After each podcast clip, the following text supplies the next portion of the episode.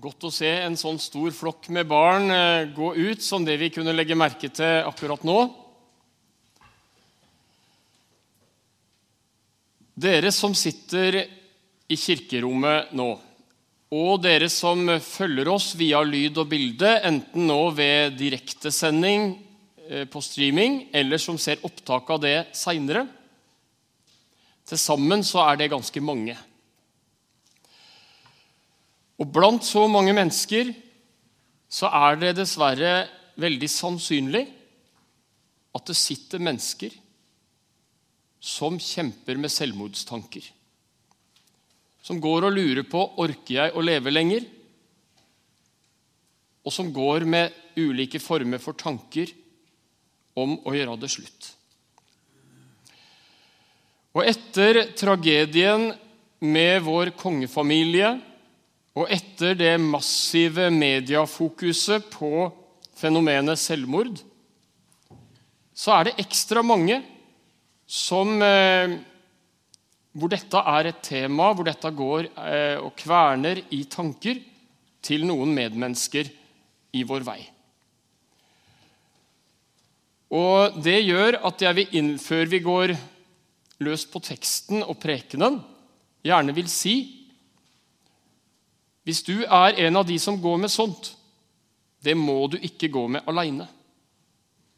Og Vi er også folk i Bjerkelund menighet som har erfaring, års erfaring med å gå veistykker sammen med folk som kjemper i sånt terreng. Du må søke hjelp. Du må gå sammen med noen inn i det terrenget. Det er viktig for deg, og det er viktig for de, rundt deg som er glad i deg. Ved Ari Behns begravelse så sa biskopen klokelig Han var i et mørke som vi har i oss alle. Jeg tror den taleren har helt rett i det. Og vi trenger ventiler. Vi trenger steder å gå hvor det er trygt, og hvor det indre trykket kan lettast, og hvor vi blir hørt på tatt på alvor og sakte, men sikkert kan gå videre mer oppreist og forstå at det er aldri en god løsning å ta sitt eget liv. Og når eh, et av barna til han som valgte å gjøre det slutt, sto der med sin hjerteskjærende gråt foran TV-kamera og fra dypet av sitt hjerte sa at det var jo ikke tvil hun ønska at pappa skulle vært her, selv om han var syk så er det allment. De som sitter igjen, får en forferdelig smerte som de må baske med voldsomt lenge. Antageligvis for alltid. Vi skal be. Kjære Gud, vi ber for de som kjemper og sliter. Må du sende håp. Må du gjøre det sånn at vi som medmennesker har en varhet, et lyttende øre, åpne sanser, til å oppdage og til å nærme oss med den varhet og klokskap som skal til for at noen som stamper i mørket, kan litt og litt få se lyset igjen. Bruk oss, kjære Gud, og la din gode ånd få stråle ut fra våre liv og bidra til at mennesker får det bedre. Amen.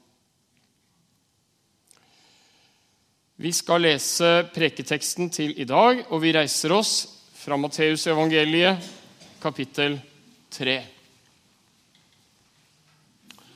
Det var litt sånn skinn fra sola der. Er det noen som hadde giddet også dekt for litt? Det blei litt sånn blendende. Ja. Nei, det er ikke så Det går bra uten nå. Da, Jesus, da dro Jesus fra Galilea til Jordan og kom til Johannes for å bli døpt av ham.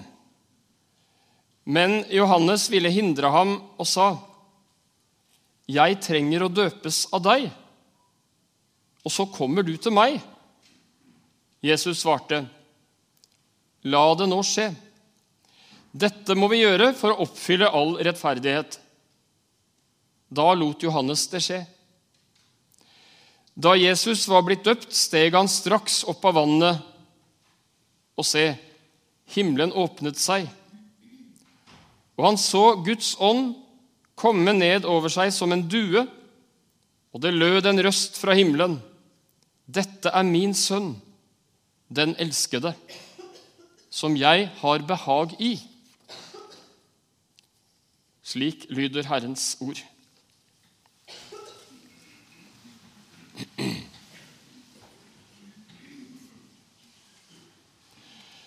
Jeg regner med at dere, i likhet med meg, har eh, hørt det en del ganger at det blir sagt 'ingen er perfekt'. Ingen er perfekt. Og det kan være bra at det sies. Det kan være en påminnelse om å være nådefull med seg sjøl og med andre. Om å se litt stort på ting. Ikke henge seg unødig opp i bagateller. Være over med. Ha et mer realistisk syn på ting, både med seg sjøl og med andre. Og la de små ting få være små ting. Ingen er perfekt. Men det vanlige uttrykket, det kan også være en flukt bort ifra en ærlig selverkjennelse. Bort ifra det å ta et oppgjør med ting som ikke vi burde fortsette med, som er til skade for medmennesker, som er til skade for oss sjøl, og som ikke er til ære for Gud. Og så kan det der uttrykket 'ingen er perfekt' bli en sånn der, vi feier støvet under teppet, for det er lettvinnere. Så er vi kvitt det. Men det er ikke sikkert det er så lurt i det lange løp. Så det uttrykket det kan både brukes og misbrukes. Døperen Johannes, som eh, vi hører om i dagens preketekst, han bagatelliserte ikke. Han feia ikke under teppet, verken når det gjaldt eh, seg sjøl eller andre.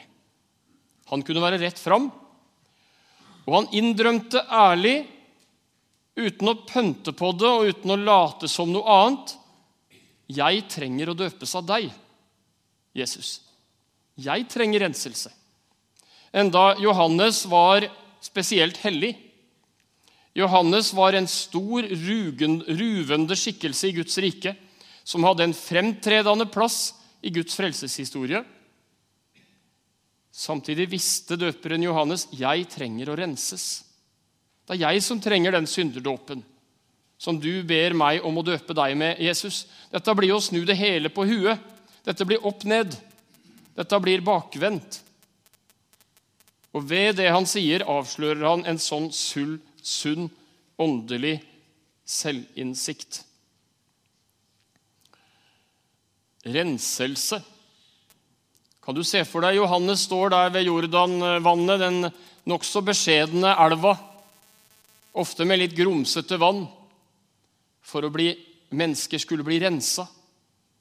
Et symbol, et tegn. Vi er avhengig av renselse. De var avhengig av renselse. Og Med fare for å distrahere så kan jeg jo i parentes ta en kuriositet. En del av oss har eh, børsta eller rensa tennene våre med Jordan tannbørste. Eh, det kommer fra det samme. Det kommer fra det samme.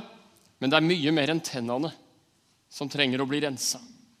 Det er hjertet. Det sitter noe dypt i våre hjerter som trenger å bli rensa, som trenger et møte med vår frelser, han som er kommet nettopp for å rense sånne som meg og sånne som deg.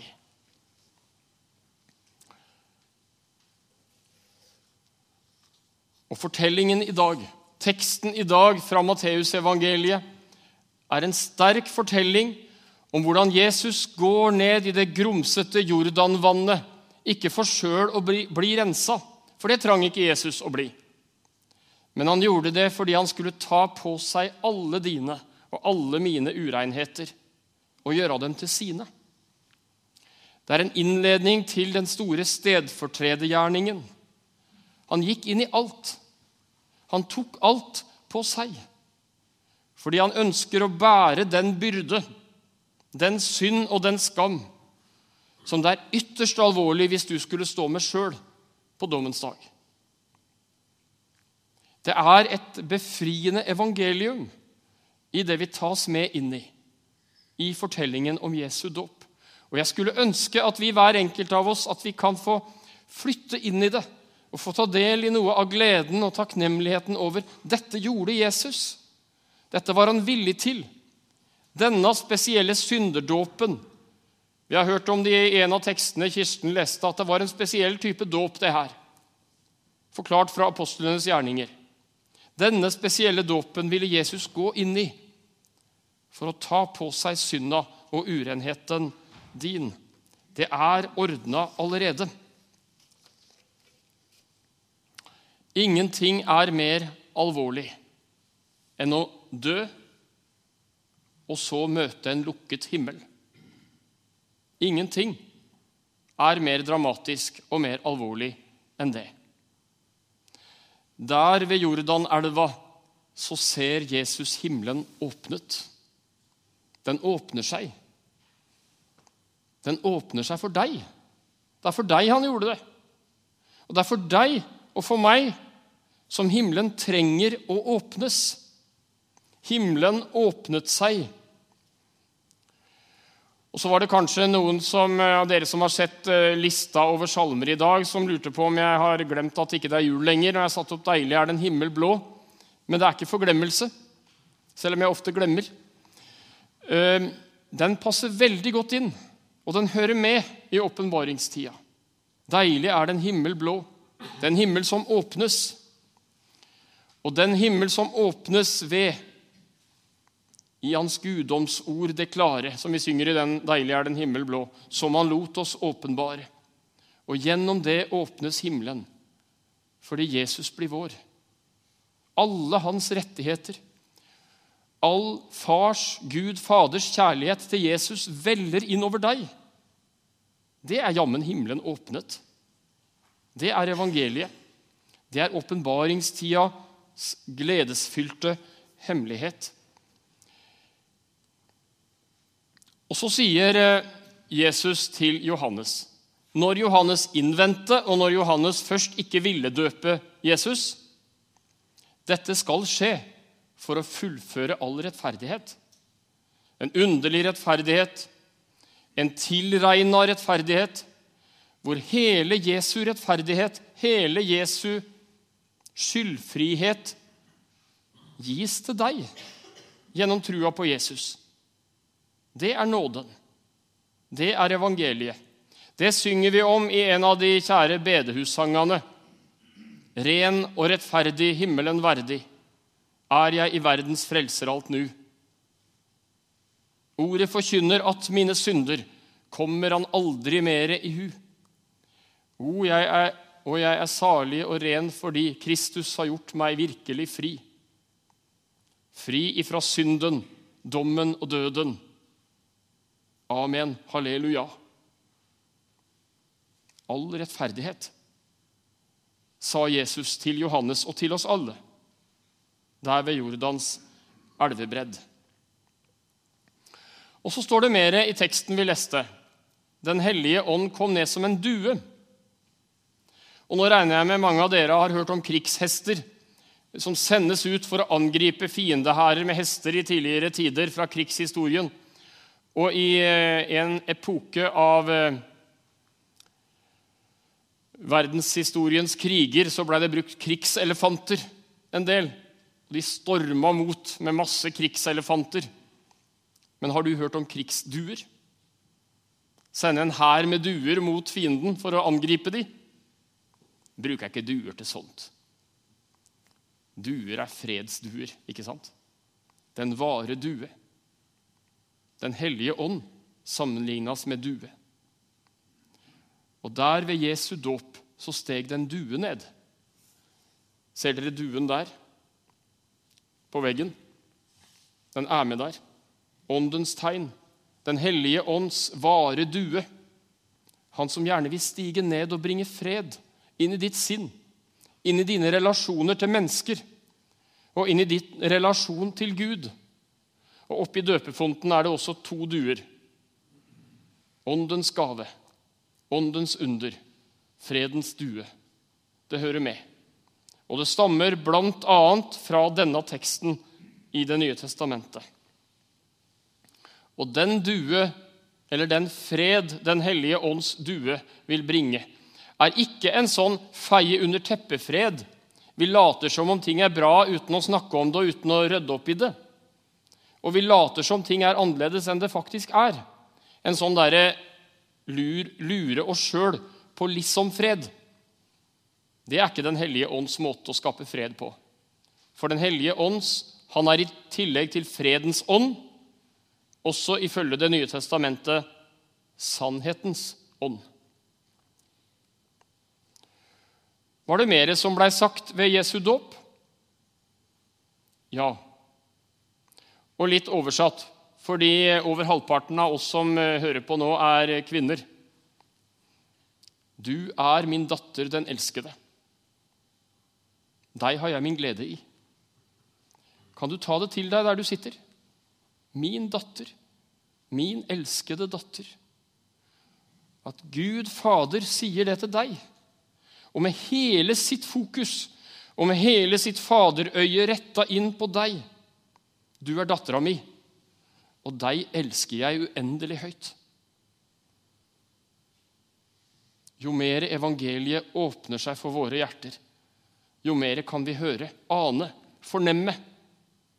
Du er min, og jeg elsker deg. Det er gave. Det er stor gave. Så har Gud elsket verden. Med god grunn har det blitt kalt Den lille bibel. Med god grunn har det blitt regna av verdens kristenhet som essensen av den bibelske åpenbaring. Og så har jeg i det siste holdt på å lest og drøvtygd ei bok som heter 'Når glassflaten brister', skrevet av, eh, av eh, ei som er foreleser, har vært i hvert fall, foreleser på Diakonhøgskolen i Oslo. Og Hun skriver at uh, i Den lille bibel så er det brukt et ord for verden på gresk. Verden har mer enn ett ord. Nei, gresk har mer enn ett ord for verden. Ett ord er positivt lada. Den gode verden. Det gode i verden. Og ett er veldig negativt lada. Den syndige, forkrøplede, falne, gudfravendte verden. Og så har henne Torborg Aalen Lenders spurt sine høyskolestudenter på Diakonhøgskolen hvilke gresk ord tror dere er brukt i den lille Bibel? Og De kommer med sine forslag, og nesten alle foreslår feil. De tror det er den syndige, dårlige verden. Nei, nei, de tror det er det gode. Nå sa jeg feil. De tror det er den positive valøren av verden men det er det negative ordet som er brukt på gresk. Og, og Nå kan det høres kanskje for noen som jeg driver litt flisespikkeri, men her ligger det en hemmelighet. Her ligger det en gave. Her ligger det noe som gjør den lille Bibel enda større, og som kommer da tydeligvis enda tydeligere fram på gresk. Den fallende verden, den opprørske verden, den verden som har vendt Gud ryggen, den verden som ligger i det onde, det er i den betydningen av det greske ordet det lyder Så har Gud elsket verden. Så radikalt er evangeliet. Og det er en sånn verden. Det er oss. Han venner seg til og kaller oss til omvendelse, kaller oss til å være i nåden. Kaller oss til å være i det velsignede felt hvor det kan lyde til meg og til deg. Du er min sønn, du er min datter, den elskede. I deg har jeg min glede. Og det er ikke fnugg av at det er en rettferdighet vi skaffer oss ved et eller annet ta oss sammen-prosjekt. For det er dømt å mislykkes. Men ene og alene gjennom evangeliet, ene og alene gjennom det nådens under som skjer når det skapes tillit til Jesus. Vi hører, vi kommer, vi kneler ved nattverdbordet, og vi tar det på disse måtene helt ufortjent imot den gaven, som gjør hele Guds rettferdighet til vår. Du er sønn til Gud. Du er dattera til Gud. Du er hans. Han verner om deg som sin kjære øyesten. Så tett innpå går evangeliet. Og i den tilliten og i den freden og i den nåden innbyr han deg til å leve. Ja, men jeg er langt fra perfekt. Nei, vi er ikke det, noen av oss. Men oss høyst uperfekte innbys til denne nåde og denne gave, som det er å eie evangeliet med alt hva det er. Takk, kjære Jesus, for at det er sånn. Amen.